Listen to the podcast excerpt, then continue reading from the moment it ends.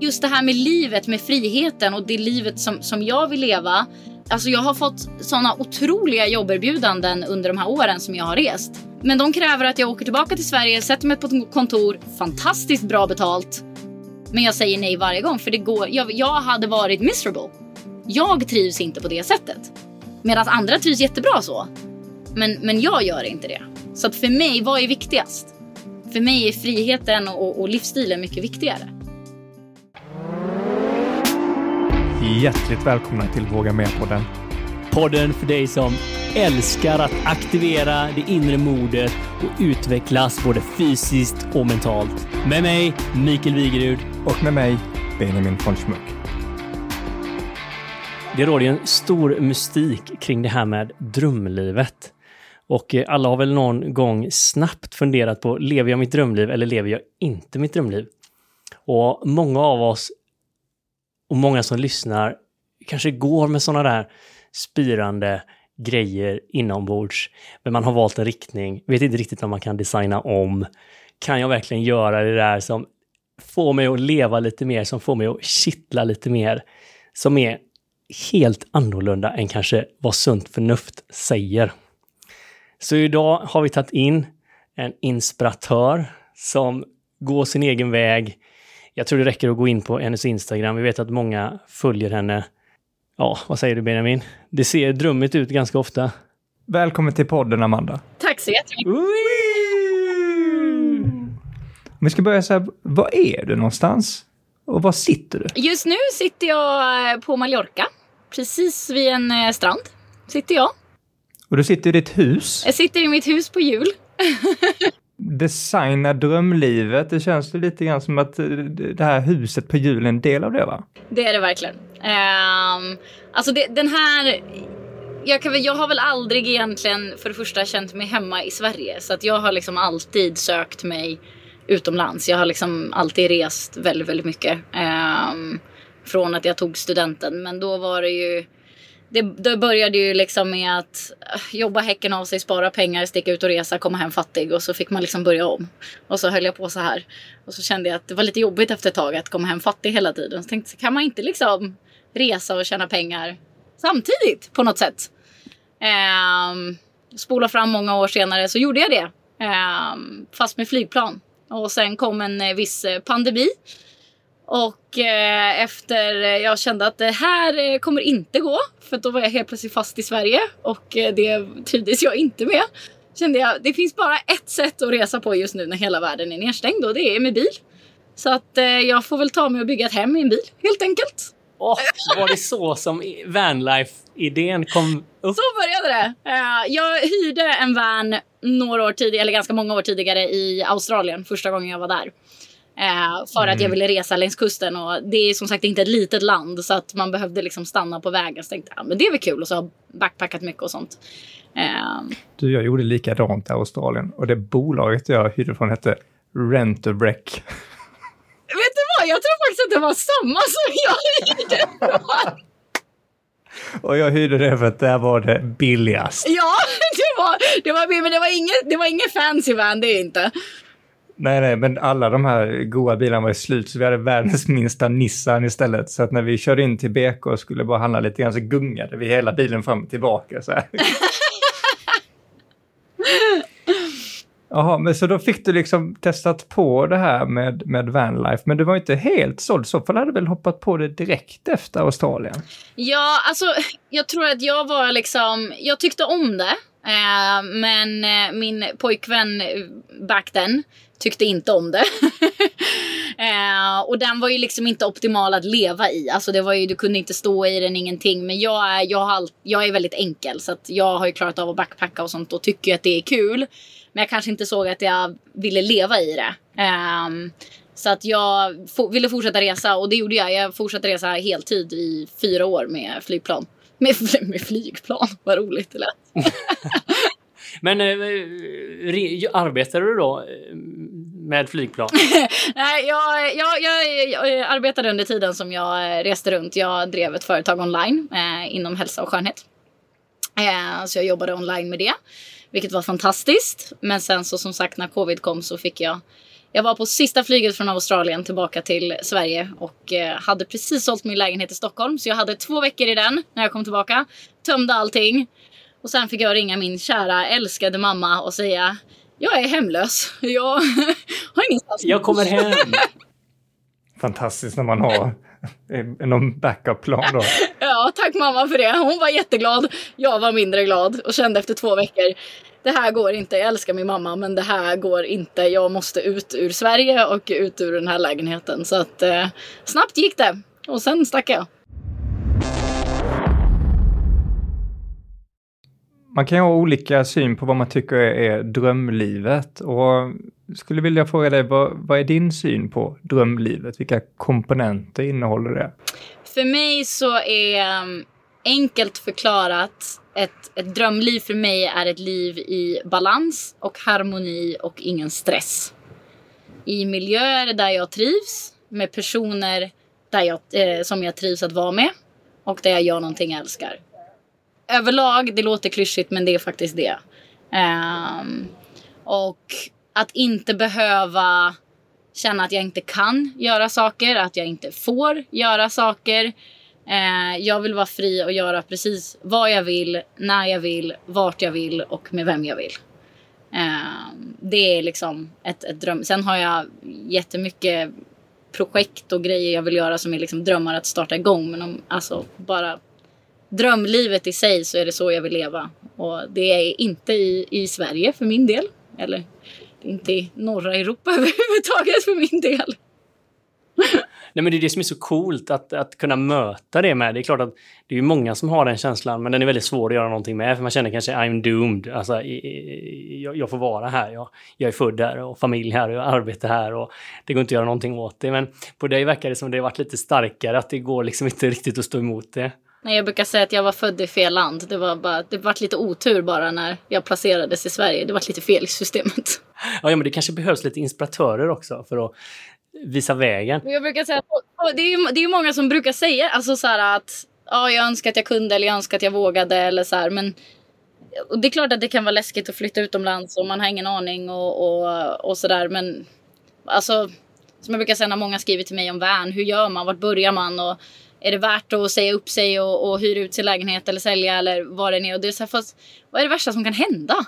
Att man vantrivs, att man hatar det. Ja, kan man, att man vantrivs. man, man vantrivs.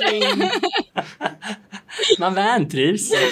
Ja, men då får man väl åka hem igen. Då får man väl flytta in i samma lägenhet och ta samma jobb igen. Det är väl det värsta som kan hända. Liksom. Men är inte det egentligen alltså en sån frihet i drömlivsdesignen, alltså som vi missar så många gånger, just det här att många gånger kanske det är att testa. Mm. Alltså att, att den här längtan att aldrig testa, den kan jaga en. Mer än att jag testade tre månader, det var pisstråkigt, jag hade ingen vettig dusch, det var trångt som satan typ. Jag blev svintrött på min sambo och jag längtade hem efter mammas köttbullar. Eller vad ja. det nu är. Tänk vilken uppskattning man har när man väl kommer hem. Ja, ja, ja, men man är en annan människa då. Istället för att gå och hata allting så kanske man älskar allting istället. Ja, plus att du slipper gå resten av ditt liv och, och tänka, tänk om. Det där skulle jag ha gjort. Ja. Det där hade jag velat göra. Att faktiskt bara, jag provade.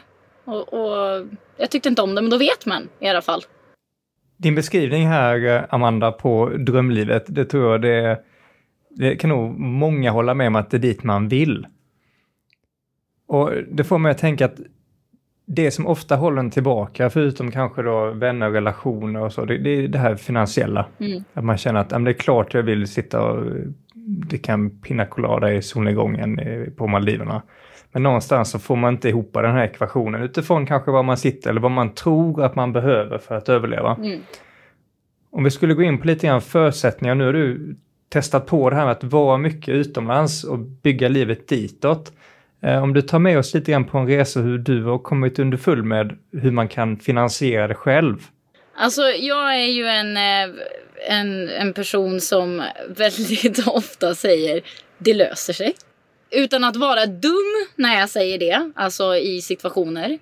eh, så är det väl egentligen den mentaliteten som jag faktiskt försöker ha. Och vad jag har insett ett bra exempel, en av mina närmsta vänner eh, flyttade ner hit i måndags. Så jag hämtade henne på flygplatsen i måndags. Hon har velat flytta utomlands länge. Eh, och bestämde sig när hon var här och besökte mig i somras att nej, men vi kör. Och hon ville ju liksom ha jobb, allting klart sånt innan hon kom ner för att veta att hon klarade sig. Och jag bara, det funkar inte så här. Du behöver vara på plats, ut och träffa människor och jag lovar det kommer komma. Om du bara bestämmer dig för att du ska flytta hit så kommer du, du kommer ha energin och du kommer lösa det. Hon har varit här sedan i måndags och hon är redan inbokad på jobb. Va? Ja. Det är Men Amanda, jag har min checklista här. Jag måste ju ticka av alla boxar jag kan sätta mig på flyget. Och det är liksom torsdag idag och hon landade måndag klockan nio på kvällen. Alltså, och, och, och det handlar, jag tror att, att så fort man liksom, eh, vad säger man på svenska, set your mind to something. Alltså så fort man bestämmer sig för någonting eh, och verkligen vill det och det är tillräckligt viktigt så kommer man att hitta lösningar. Och det tror jag att det gäller med det mesta i livet. Alltså, eh, har någon av er barn? Nej, okej. Nej. Men om vi säger någon som lyssnar på det här, eller någon som, nu har inte jag barn heller, men eh, eh, jag är inte så här... Så, så, vi, så, vi, så vi är tre bright minds som ska ja, ja. sitta och prata om alla barn. Love it. Men om, om du har två, Jag, jag har tänkt på det här med, med uppväxt och, och eh, föräldraskap. om du har två gigantiska höghus och så lägger du en planka emellan. Det, det, det är få människor som skulle springa på den här plankan fram och tillbaka bara för att det är kul när du vet att du kan trilla ner och, och liksom egentligen slå ihjäl dig, dö. Så, kaputt, done. Sätter du din unge på andra sidan huset och det brinner och enda sättet att rädda ditt barn är om du kommer över så tror jag att du hade gått över den plankan. För att det är tillräckligt viktigt. Så att är någonting tillräckligt viktigt så, så finns det här med att inte våga och tänka, tänka om och la la la. Sådana grejer blir inte lika väsentligt. Och jag tror att jag är ganska bra på att sätta mig i de situationerna. Och kanske bränna mina broar. Så att när jag har flyttat utomlands och när jag har åkt så har jag inte alltid, eller jag har aldrig haft ett jobb klart. Men det betyder att jag måste lösa det. Um, så att det, nu har jag gjort extremt mycket olika jobb när jag har rest. Och man jobbar extra i någon bar och någon restaurang och på något event eller online. Alltså det finns hur mycket sätt som helst att tjäna pengar på. Frågan är bara hur mycket pengar man vill tjäna. Ja, och att, att man ser möjligheterna hör jag också här mellan, eh, mellan raderna. Det, som du sa, att bränna sina broar som vikingarna gjorde när de landsteg i eh, England till exempel, brände sina båtar. För att det finns inget tillbaka. Men just att hitta möjligheter till att hitta jobb eller andra sätt att, att finansiera saker, det tycker jag är himla spännande. Och där kan jag säga personligen är jag väldigt inrutad. Man har liksom haft mycket tankar från början. Sen har man gått och sen är det ingenjör, sen är det ditt ratt, sen så helt plötsligt så blir man väldigt inboxad. Och jag kan tänka mig att det finns många som är som jag, som tänker att det borde funka på ett visst sätt och sen så idag så kan man lösa det på hur många sätt som helst. Ja men nu har ju jag till exempel bestämt mig för att bo på Mallorca. Nu har jag, jag har rest fulltid i snart eh, åtta år. Och eh, kom hit till Mallorca den här svängen och tänkte att jag är här i två, tre månader som vanligt. Jag brukar vara här ibland på vintrarna. Men kände för första gången på över tio år att jag är hemma och jag vill faktiskt inte lämna ön. Eh, så att nu håller jag på och håller på med residency och, och allting här och håller på att starta upp företag här. Och där är också ett jättebra exempel. För det jag kände när jag väl flyttade hit var att nu vill jag börja jobba med människor fysiskt igen. För att online har varit fantastiskt när jag flänger runt överallt. För att det, det händer inte så mycket. Det är, det är svårt att boka in mig på saker när man inte vet vart i världen jag är. Liksom. Jag började nätverka lite här så jag tror att det viktigaste när man ska flytta någonstans och, och det här med jobb och vad som har varit viktigast för mig det är att ut och träffa folk. Är det ett event, se till att vara där. Är, får man en inbjudan till någonting, se till att vara där. Ehm, träffa människor på gymmet, var social, gå dit. Alltså vad det än är för typ av människor man skulle vilja omge sig med. Gå till sådana ställen. Och våga prata med främlingar. För det finns så mycket dörrar som kan öppnas och alla människor har en story. Och man har ingen aning om vad man själv kan hjälpa den personen med eller vad den personen kan hjälpa mig med. Så för min del här till exempel, jag bestämde mig för att flytta hit i ja, början på april. Och det jag bestämde mig för, nu har jag två jobb som jag gör här på Mallorca på plats just nu. Men det jag bestämde mig för att börja med och jobba, det var som eh, fotograf här nere. Och skapa content åt företag. Och det beslutet tog jag i början på april.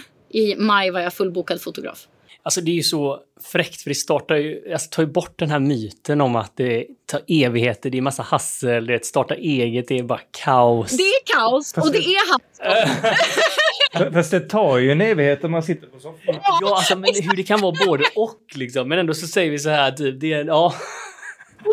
Det kanske är mest på soffan det tar dit. Men, men som du säger, så bestämmer du och så kör du och så egentligen då du har inte varit fotograf innan. Alltså, vi, vi förstår att du är duktig på området, men du har inte liksom professionellt arbetat som det innan. Inte professionellt jobbat som det, nej. Det har jag inte. Um, utan det är ett intresse som har växt mer och mer. Och sen så har jag ju jobbat med det. Under tiden jag har rest nu senaste åren så har jag jobbat med det på det sättet att jag har mycket svenska bolag som jag har tagit foton åt med deras produkter och eh, låtit dem använda materialet. Så de har skickat produkter. Så det är någonting jag har jobbat med också online och under resande fot. Eh, och det är samma sak som eh, influencer marketing, liksom när folk promotar och jag har gjort kanske mer, mer content och skickat till bolag än vad jag faktiskt har promotat dem utåt på mina sociala medier. Bara hänga lite här. Influencer marketing. Nu kanske jag sitter som en jäkla dinosaurie här, men jag tror det finns många dinosaurier som inte riktigt har förstått sig på hur den här marknaden fungerar. Ja, den, den är rörig. Den är stor. Den, ja, men den är ju gigantisk. Alltså det är väl få marknader som har vuxit så mycket senaste åren med alla dessa medier eh, där man når ut till så mycket folk. Jag märker ju själv det också, bara om man vill få en nyhet, att jag vänder mig inte till samma kanaler eh, idag som jag gjorde för kanske fem år sedan, eller två år sedan, utan det är stora förändringar som kommer.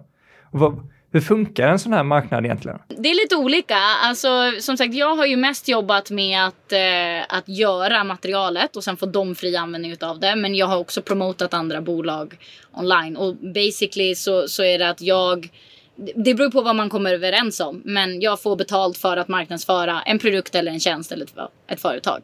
Um, och det kan vara antingen genom att jag gör en post eller att jag gör stories till exempel. Ehm, men innan jag, alltså jag har även jobbat som och gör fortfarande lite grann manager för andra influencers. Så att det, det, fin man, det finns hur mycket som helst man kan hitta. Så att har man inte själv kontot men man är bra på att göra dealer, varför inte vara manager åt någon som har kontot? Och lös dealer åt dem och du får en katt av det. Behöver du inte ens göra jobbet själv. Det var så började jag. Jag tror det är många som också som ser, ser det som är utåt från den här typen av bransch, men de har kanske aldrig här, här, måste man öppna ett bolag eller kan man haka på någon plattformstjänst? Jag tror att de bitarna är mycket mer okända för folk. Jag vet att det finns ganska mycket plattformar idag där man kan registrera sig och att betalningar kan ske via plattformarna så att man inte liksom behöver ha eget bolag och sånt för att göra det enkelt för folk att tjäna lite extra pengar. Och man behöver inte ha några stora eh, konton för det. Alltså det jag har vänner som har 2000 följare som får betalt för att göra lite grejer. Eller på gratis produkter liksom, om, om det är aktuellt också. Jag har alltid fakturerat eh, från mitt egna bolag eftersom att jag alltid har haft eget. No middle managers, no middle cuts. Men, men ser du, du har haft eget bolag men du har också testat mycket idéer. Du har nämnt några saker du har gjort här ju. Ja, jag, Var du anställd långt... innan du liksom bröt dig loss och blev den här superentreprenören? Eh, alltså jag har ju jobbat på alla lägen i en restaurang som går. Allt från att vara liksom ansvarig över hela anläggningar och, och kaféer och restauranger till eh, eh bröllop och eventkoordinator. Eh, jag har drivit bemanningsföretag. Jag har eh, föreläst. Eh, e-handel, fotograf, jag är nu mäklare. Um, jag har jag, jag manager, um, influencer. Ja, jag vet inte, jag har, jag har ju säkert glömt hälften här. Men du jobbar med hälsa, skönhet? Ja, jag var personlig så... tränare har jag för 17 Jag driver tre ja. gym har jag gjort också. Kostrådgivare, massageterapeut har jag varit också. Jag tror det är lättare att göra så här, vad har du inte gjort? jag, har inte jobbat, jag har inte jobbat på sjukhus. Eh, det är inte min eh, miljö. Jag provade telefonförsäljare när jag var väldigt ung i tre månader. Sen eh, fick jag panik. Eh, men då hade vi provat det. Det var ju fantastiskt. Fick man veta det. Men det här är ju många av de här olika grejerna som du bara slängt ut nu i all hast den här listan då, som ändå blev, det räckte inte med fingrarna. Men många av de här är ändå sånt som kräver ganska kanske långa gedigna utbildningar, alltså ganska tröga processer egentligen. Typ i Sverige pratar vi ofta 5-6 år för att kunna göra någonting. Eh, hur har du liksom hackat dig förbi detta? Jag har inte satt min fot på universitetet. Um, utan uh, det löser sig. det är lite mitt motto. Eh, nej, utan jag tror så här att ibland så um, Utbildningar är fantastiskt om det är saker och jag, jag brukar säga det att jag pluggar hela tiden. Jag, jag pluggar varje dag. Jag lär mig hela tiden för att jag vill lära mig. Det mesta går att hitta online. Um, jag har tagit små kurser hit och dit för att okej, okay, jag vill jobba mer med sociala medier. Då vill jag lära mig basics. Ehm, jag vill lära mig hur det här funkar. Jag vill lära mig hur man dealar. Jag vill lära mig vad prisen ligger på. Jag vill lära mig algoritmer. Okej, okay, då går jag in och så har jag köpt en onlineutbildning och så har jag löst det på det sättet. Ehm, istället för att gå någon tvåårig utbildning så kanske jag sitter och nöter i, i några dagar. Ehm, eller i några veckor med några timmar. Men sen är jag också en... Jag är en person som har väldigt svårt för att lära mig i ett klassiskt eh, pluggsätt. Min hjärna och jag gillar inte att läsa och plugga normalt. Men jag älskar att lära mig nya saker praktiskt. Um, så att jag är väldigt praktiskt lagd. Och är det någonting jag vill lära mig så har jag lärt mig att jag behöver hitta den som kan det. För att eh, det finns också väldigt mycket människor i, i den här världen som är experter på väldigt mycket. Men de har faktiskt aldrig praktiserat det. De har aldrig använt det. Så att jag har hittat personer som... Men jag är ju jätteduktig i teorin. Ja!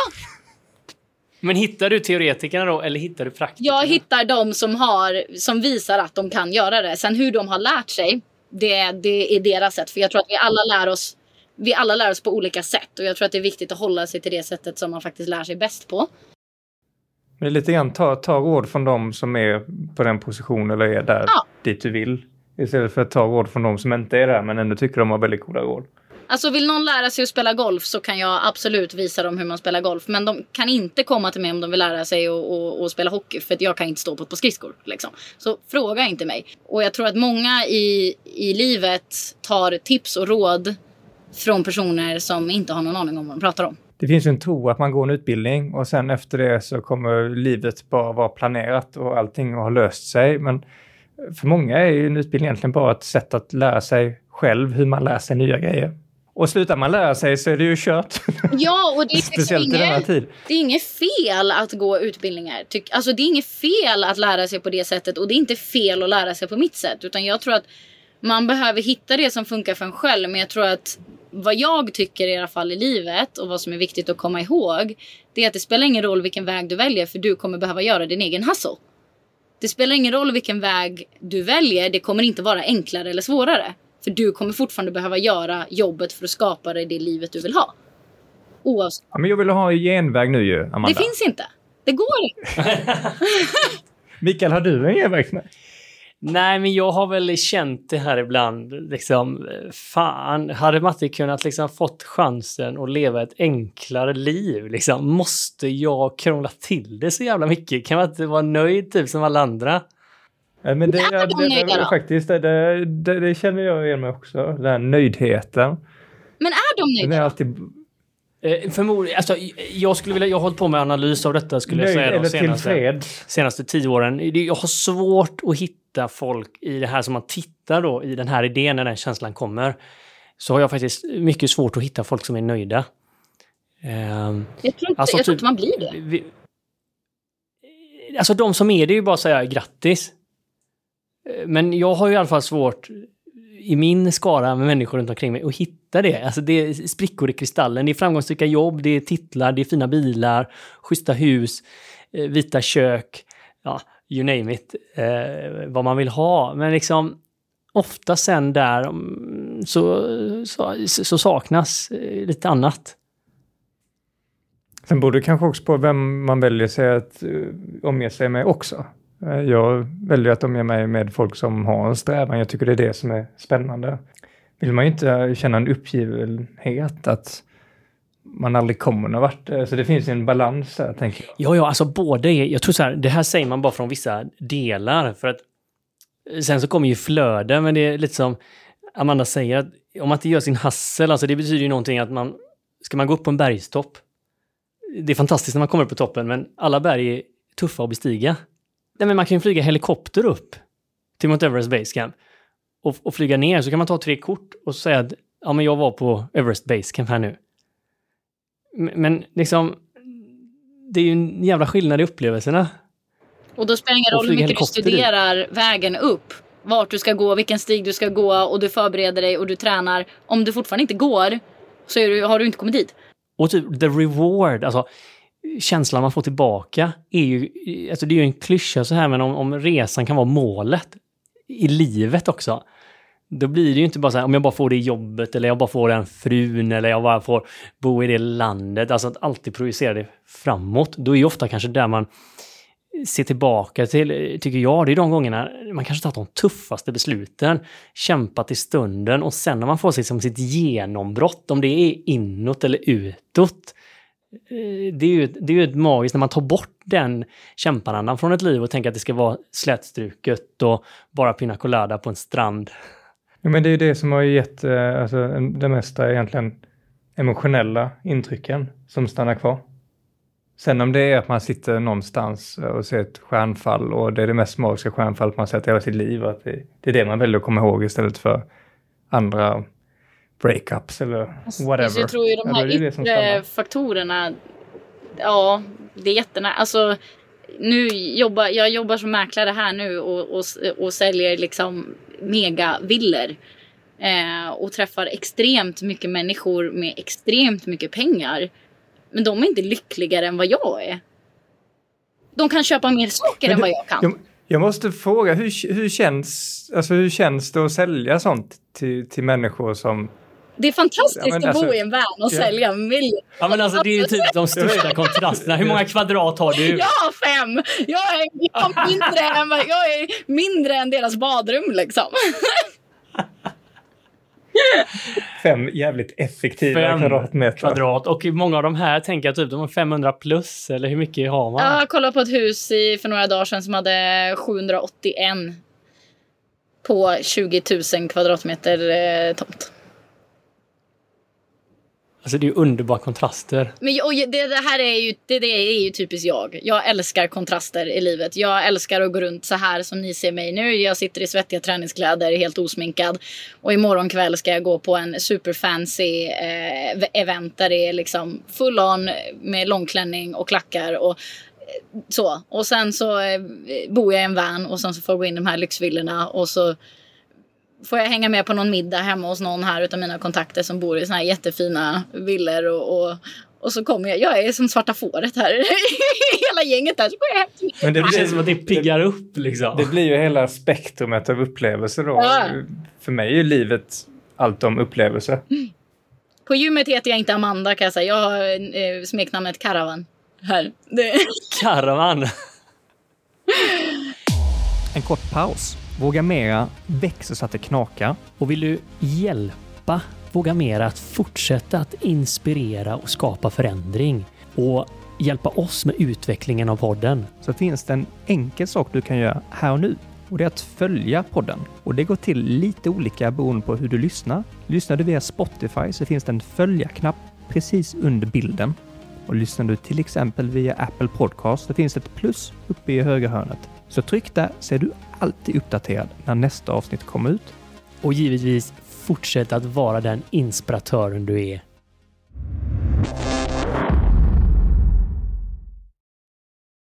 Men, men hur har det varit till det här då? Alltså till det här extremt karismatiska kontrastlivet som du lever nu, där du kan liksom dra det bästa ur, ur båda sidor. Har, du- har du haft utmaningar längs eh, vägen mot det här också? det är klart jag har, alltså det har ju alla.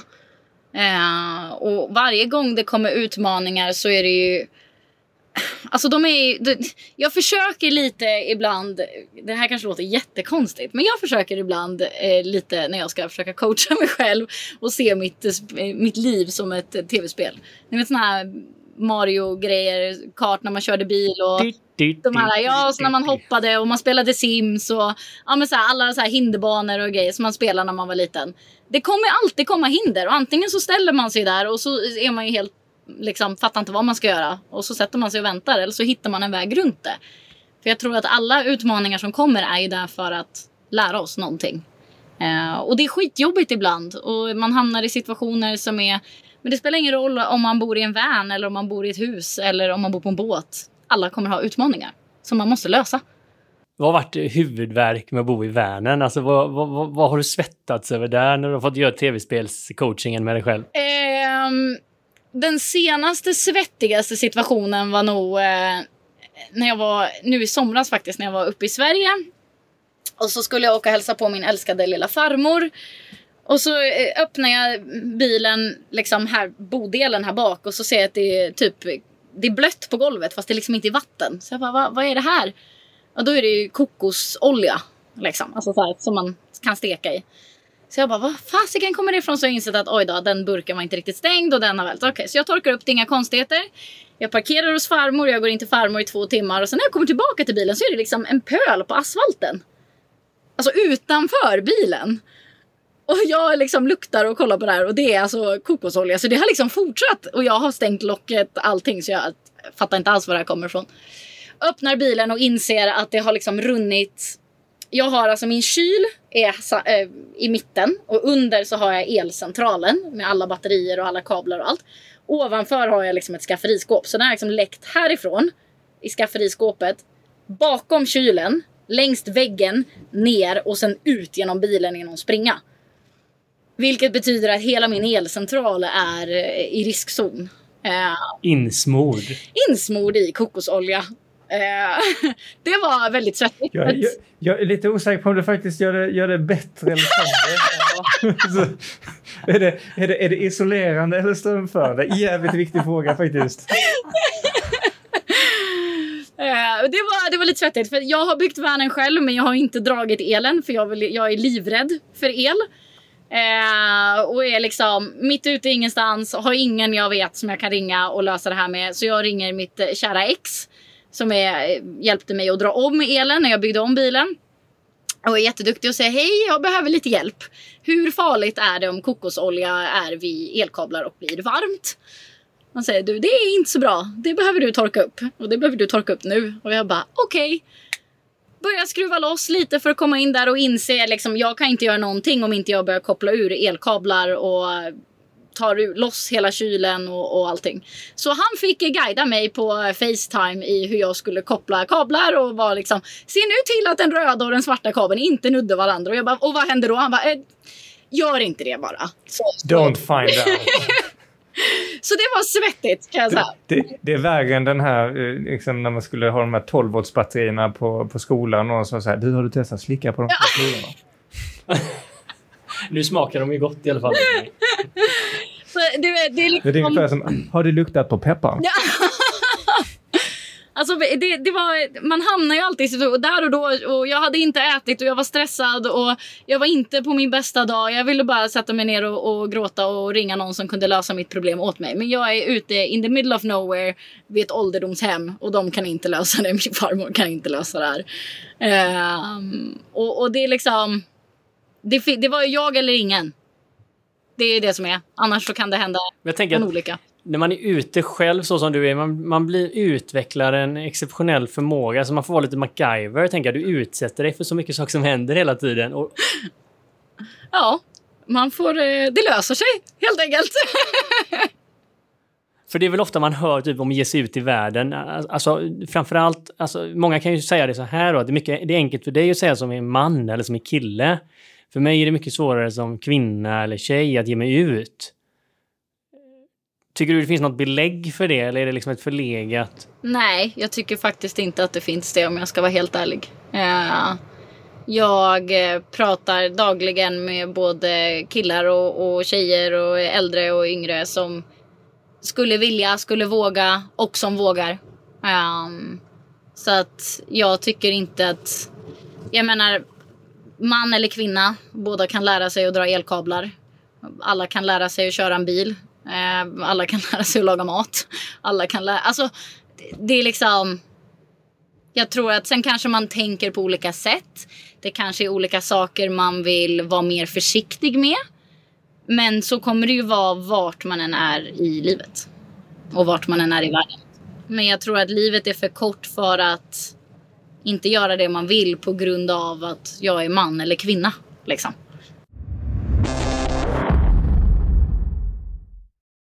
Vi har ju förmånen här att se lite granna av din eh, och den ser ju löjligt snygg ut. Alltså, hur- vad är den byggd på för bil? Det, den är jättestökig nu. Det är en Mercedes Sprinter. 6 meter lång, 2,8 meter hög. Och som du har köpt och byggt eh, själv. Japp, jag har byggt ett... eh, Det var ett helt tom skåpbil bara som byggbil. Och sen... eh, Ja, här är vi. Och, och, om du skulle ge dina eh, vassaste tips här nu till de, de som sitter där hemma och vill bygga van, vad skulle det vara? Ehm, Jag har ju förstått att man inte ska hälla kokosolja på elcentralen. Tips ett. Ja, eh, dra elen tidigt. Eh, gör inte det det sista man gör. Och ehm, isolera bra, för det kommer vara eh, fantastiskt. Och gör en, eh, en, en, vad säger man, en skala enligt plan innan. Så jag, min stackars mamma, hon hade ju tejp på hela sitt golv. För jag liksom tejpade upp hela min van i mått. För att se hur mycket space jag skulle få överallt. Men här skulle sängen vara. Och det är nog faktiskt det bästa jag har gjort. För då får man en liten känsla av hur trångt det kan vara. För att när man bara tänker i huvudet att ja, men jag får plats med det där. Och nu finns det ju eh, AI-appar och sånt där för fantastisk plan. Men eh, bra planering och eh, bra isolering och dra elen tidigt. Vad är du mest nöjd med? Vilken lösning i världen gillar du mest?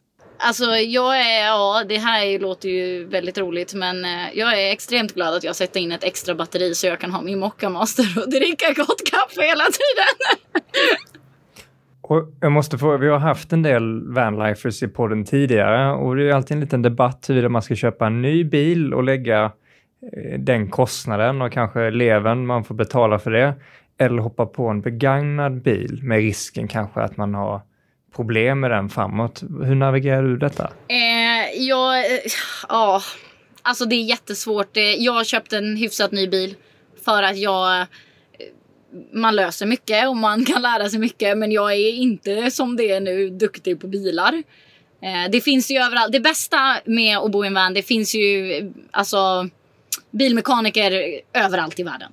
Alltså det finns alltid någon som kan lösa en, en liksom så. Men eh, för min personliga del så kände jag mig tryggare av att ha en nyare bil. Eh, så jag tror att det handlar om vad, liksom, vad som gör en själv trygg. Eh, men mitt tips är som jag gjorde, för jag kollade på några eh, begagnade bilar innan jag köpte den här. Den här är fortfarande begagnad, men den hade gått 4000 kilometer och eh, är från 20. Ja. Inte, inte 34 000. Ja, Så. Eller för- Ja, så att den hade knappt rullat och den är liksom end of 2018. Så att den, den är liksom början 2019. Den, den är liksom hyfsat ny. Men det jag gjorde när jag kollade på äldre bilar var att jag har en, en kompis som eh, jobbar på, eller hon jobbade på Peugeot.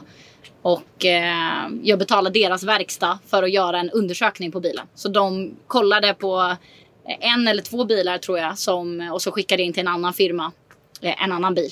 Så att jag fick en annan firma att faktiskt söka på bilen. Och det, det kan kosta lite, men det var det värt för mig.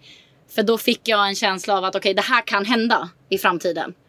Och det kommer kosta dig cirka så här mycket. Då hade jag lättare att säga försäkran. ja eller nej. För jag var på väg att köpa en bil som jag trodde var perfekt för mig. Men eh, mekanikern var, du det här, eh, det här kommer inte vara kul om ett år. Eh, och du skulle redan nu behöva byta det här och det kommer kosta dig så här. Eh, så att, ja. Det, det är väl mitt Ja, tips. jag vet, det, det, det är ett jättebra tips. För, speciellt om man vill iväg och man kanske säljer någonting eller man kanske går för en hyresrätt och man vill göra en sån här resa. Mm. Då vill man att det bara ska funka bra. Man vill inte stå där helt plötsligt och en av fyra cylindrar funkar inte efter två månader man har inte ens kommit dit man vill. Och det man, jag tror att det man inte fattar i början. Eh, ett exempel, jag har en nära vän. Hon är på väg med sin van ner eh, hit nu också. Eh, och hon har haft problem med sin, jag tror att det är hennes koppling som har varit jätteproblem med. Som hon har fixat två, tre gånger redan i Sverige. Den pajade igen i vad det nu var i Schweiz. Och kostade skjortan. Nu hittade de det verkliga felet. Det hade de inte gjort innan. På de andra gångerna. Och de var ju så här. Du det här är ganska dyrt liksom. Är, tycker du verkligen att det är värt att göra på en så här gammal bil? Och det, det, jag tror att det man inte förstår när man inte bor i van är att det är ditt hem, det är ditt liv. Vad då ska du helt plötsligt skita i det och, och, och vad då skrota bilen? Vad, vad ska du göra? Ja, ja, för de tycker bara men det här var en bil och vi ska Ja. laga den för mer än bilens värde. Så Fan, jag har problem med toan här nu. Får jag byta lägenhet? Alltså det, det blir ju, man blir ju liksom, händer någonting med min bil, det är klart att jag vill fixa det. För den, den är mitt liv liksom. Alltså jag älskar att bo i, det var en storm här för två veckor sedan som du vet, det bara flög, det flög stolar och bord och grenar och eh, det var träd i folks bilar och grejer. Och det, visst, det är bara en bil.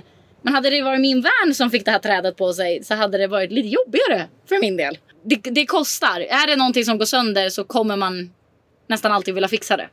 Alltså, hur gör man, den här frågan eh, som jag säger kommer för många varje gång man pratar med Hur gör man med dusch och hygien och sådana saker när man bor i bilen? Ingen i van duschar. Alla är skitdäck. Nej, det var det är så enkelt. Mikael har fått tro att vi har det här som ett videosamtal. Ja! Eh, Våtservetter är det. Ja, exakt, exakt. Eh, alla har olika lösningar. Jag har dusch, jag har toa, alltså jag har allting. Men jag duschar på gymmet oftast. Eh, jag är där fem gånger i veckan. Så att där har jag långdusch och, och bastu och allt. Ibland går jag dit bara för att duscha, men då kan jag lika gärna träna. Och ibland går jag dit för att träna. Så det är en bra motivation. Och då kan du lika bra duscha. Ja, exakt. Men det finns jättebra lösningar. Alltså jag har en fantastisk dusch. Jag kan duscha inne för jag har ett våtrum. Men den är också så jag kan ta ut den och så kan jag duscha ute. Och det är fantastiskt att duscha ute med magiska utsikter. Eller så slår man upp ett litet duschtält bara och så gömmer man sig där inne. Så är det klart. Det finns massa olika lösningar. Så nu när vi sitter här och, och vi ser dig sitta i bilen och uh, du lever ju ditt drömliv nu, Amanda. Hur ser en typisk dag ut? Eh, jag vaknar med solen oftast. Jag eh, sover oftast med öppna dörrar när jag står vid havet så jag kan få vakna till vågor och när solen går upp. Eller så har jag stängda dörrar men jag har inga gardiner för. för jag, vill, jag har ingen väckarklocka i mitt liv. Det är det värsta jag vet. Eh, få gå upp, göra min kaffe, kanske ta ett morgondopp eller sitta på mitt tak, och kolla på soluppgången. Eh, och sen så brukar jag antingen åka iväg och jobba någonstans. Om jag känner att jag behöver ha en annan miljö. Eller så kör jag ett rent av hemmakontor några timmar på morgonen och förmiddagen fram till lunch. Vad är det för typ av jobb då? Eh, och då är det ju antingen att jag, om jag jobbar hemma så är det ju antingen att jag sitter och redigerar bilder från eh, ett fotograferingsjobb som jag haft. Eller eh, så är jag, eh, sitter jag och letar eh, fastigheter eller mejlar kunder eller sånt angående eh, mäkleriet. Eh, kan vara på kontoret ibland också. Eh, eller så är det så att jag är bokad på, jag brukar ha antingen eftermiddag att jag sitter hemma och gör förmiddag eller eftermiddag att jag sitter hemma och gör datajobb. Och den andra delen är jag ute. Och det kan vara att jag är och besöker ett hus eller att jag är ute och fotograferar på ett event till exempel. Eller jag fotar mycket atleter Eh, så att jag är på gymmet och fotar. Eh, och sen när jag är klar så sticker jag till gymmet. Alltså jag är jättedålig på att sluta jobba. Det här är någonting jag lär mig. Eh, jag vet inte när saker och ting är tillräckligt bra och när man är klar. Så att just nu är min belöning att när jag har gjort mitt jobb då får jag gå och träna. Jag får inte gå och träna annars. För att jag fastnar där. För det är lite som att släppa ett barn i en lekstuga. Liksom. Jag kan ju vara där i fem timmar. Ehm, så att eh, min belöning är att jag får gå till gymmet när jag har gjort ett bra jobb. Och så duschar jag och så går jag hem och lagar mat som vilken människa som helst och sen går jag och lägger mig. Ja, och så börjar vi om. Och ibland eh, tar jag en ledig dag på stranden eller eh, på, i bergen och hajkar eller gör någonting annat spännande. Och hur, och hur funkar det när man här, besöker en ny plats med att hitta nya vänner och bekanta och sådär? Eh, alltså, allting beror ju på hur öppen man är. Alltså, jag är liksom... Om jag är på en plats där det är andra vans, jag säger ju alltid hej. Jag sitter ju aldrig med... Nu sitter jag med mina dörrar stängda för att jag, ska, för att jag pratar med er. Annars så ser mina dörrar alltid vidöppna. Så att igår kväll så var, satt jag här och jobbade och så går det, fram, går det förbi en kille här som bara Sorry, are you Amanda? Jag bara ja, ja, ja. Och då har ju han hittat min Instagram för fyra, fem månader sedan och nu såg han min van. Och så hade vi en chitchat och det var supertrevligt och så gick han. Så att jag är väldigt öppen för att, att prata med människor. Um, och det, det, är lite spännande för att ibland när jag sitter med öppna dörrar så är det ju som att sitta i ett skyltfönster för att folk tycker att det är jättekul att, att kolla in i en van. Men folk kollar ju sällan in i ett vanligt hus liksom. Åh, hur bor ni? Hur ser det ut? Nej, nej, man tar för sig här. I en van får man titta in med ett köksfönster. Det är ju... Ja, det är, men det är bra. Jag håller vanen hyfsat städad förutom idag då. Men... Finns det någon rädsla där att det är kanske folk som rent av eh, eh, skulle inkräkta på ditt område så att säga? Alltså jag är ju väldigt öppen med mitt liv. Eh, alltid. Men det betyder ju inte alltid att jag är privat offentligt. Eh, det är olika saker som mitt privatliv visas ju inte jättemycket och, och sådär. Och jag är ju, när jag reser runt så har jag alltid ett säkerhetstänk. Jag visar aldrig, alltså när folk, alla platser ni ser att jag taggar in, det är sällan samma dag. Det är oftast när jag har lämnat eller är på väg att lämna. Det är sådana säkerhetsgrejer så att folk kan sällan staka upp mig. Liksom. Um, utan det... Och är, är det någonting som, som du har lärt dig av andra eller någonting du har fått lära dig själv så att säga av saker som har hänt? Eh, både och. Det är en kombination av, av, det. Det här det är ingenting som har hänt min del. Jag har varit väldigt, väldigt skonad. Eh, jag har väl haft en incident med, med vännen. Men annars så har jag varit väldigt... Men jag, jag är, alltså jag, klart, jag har säkerhetstänk. Jag tänker på sådana saker. Jag byter aldrig plats till okända platser när det är mörkt. För att jag vill ha en känsla av hur det ser ut, hur det känns, energin. Lyssna på magkänslan direkt. Känns det inte bra här, då byter jag. Eh, chansar inte. Eh, är det länder och sånt jag inte har någon aning försöker jag alltid parkera där det är andra vans. På Mallorca känner jag mig jättetrygg. Eh, Spanien, nästan överallt. Portugal kände jag mig också jättetrygg. Ja, alltså jag, le jag lever ju egentligen idag för att jag försöker ha någon form av struktur och försöker vara som en vanlig människa och vara ledig på helgen. För att alla andra mina vänner här är lediga på helgen. Så det är roligare att vara ledig. Även om jag kan jobba lördagar om jag vill. Um, så le jag lever som en vanlig människa. Jag tycker bara att jag har en roligare vardag. Jag har ett roligare sätt att vakna upp och jag kan byta grannar om jag inte tycker om dem. Gillar jag inte min bakgård så byter jag den. Uh, och tycker jag att vädret är kast så åker jag någon annanstans. Uh, och känner jag för surfa. Vi, vi ser ju det på din lista också, att du har ju det. Ja. alltså, det är det här som är det fräcka. Vi frågade ju förut, ser man liksom i fasaden om det finns en spricka i kristallen i det här 780 kvadratshuset? Det är ju åt andra hållet också. Man ser ju i världen att det sprudlar av liv. Och jag tänker att det hör man nog genom lurarna också.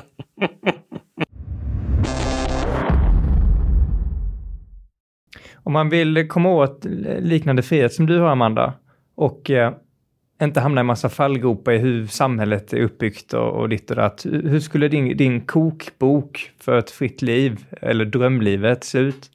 Eh, jag skulle säga att steg ett är att ta sig själv på en, eh, en dejt.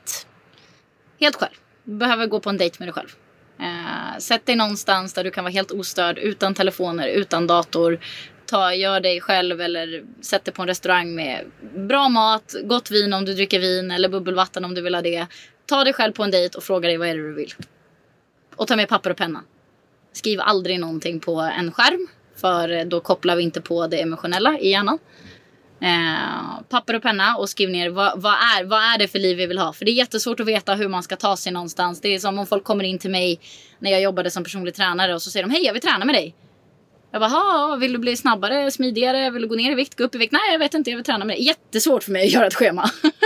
Eller om man går in till frisören och säger, hej, eh, fixa mitt hår. Jaha, vad ska vi? Det är lite svårt att veta vart man ska. Så att eh, jag tror att... Det är ju spännande. Ja, det är jättespännande. Och, se vart, vart, vart det ja, ja, ja, ja.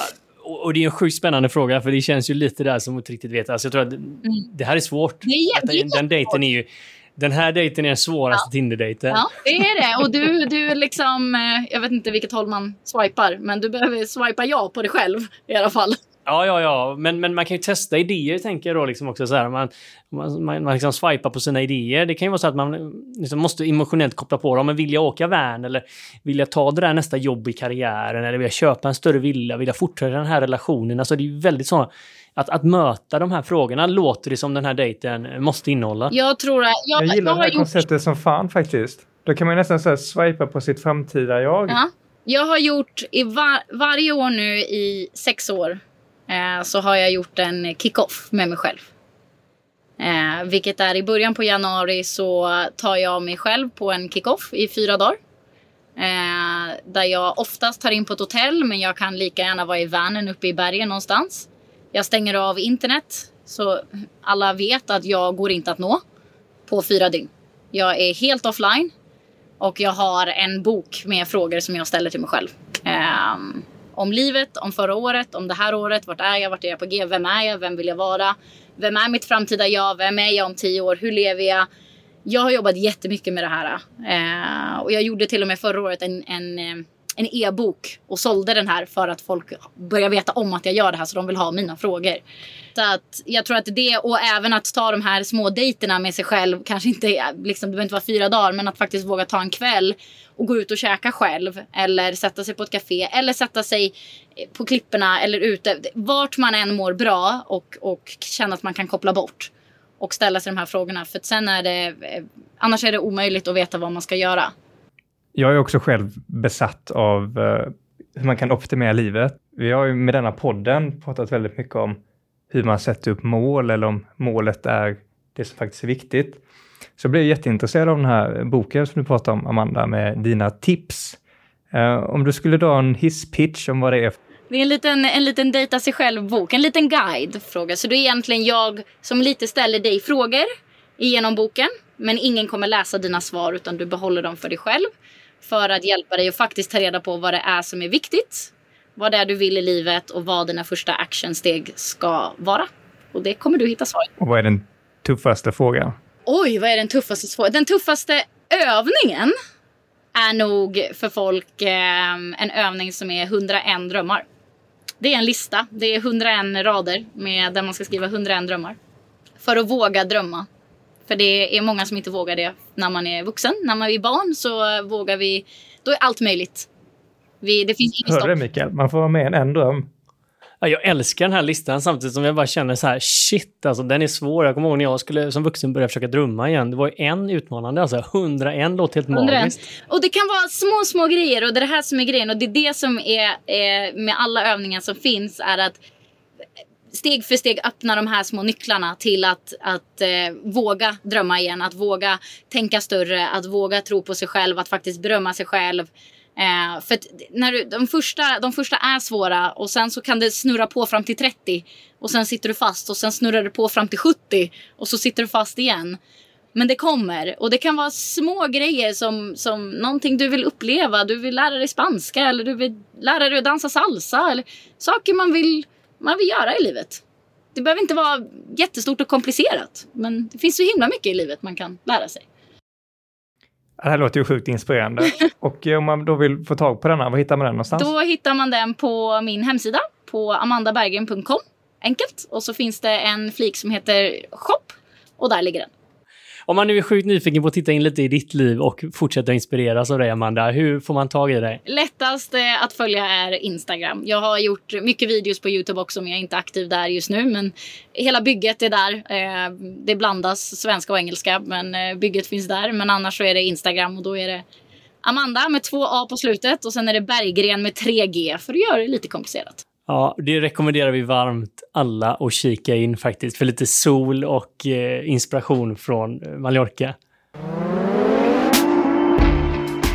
Stort tack till dig som lyssnar som hjälper Våga Mer-podden att växa och nå ut via de sociala kanalerna. Vi har ingenting utan er lyssnare och både från mig och från Mikael så skickar vi ett stort Våga Mera så hörs vi igen i lurarna nästa avsnitt.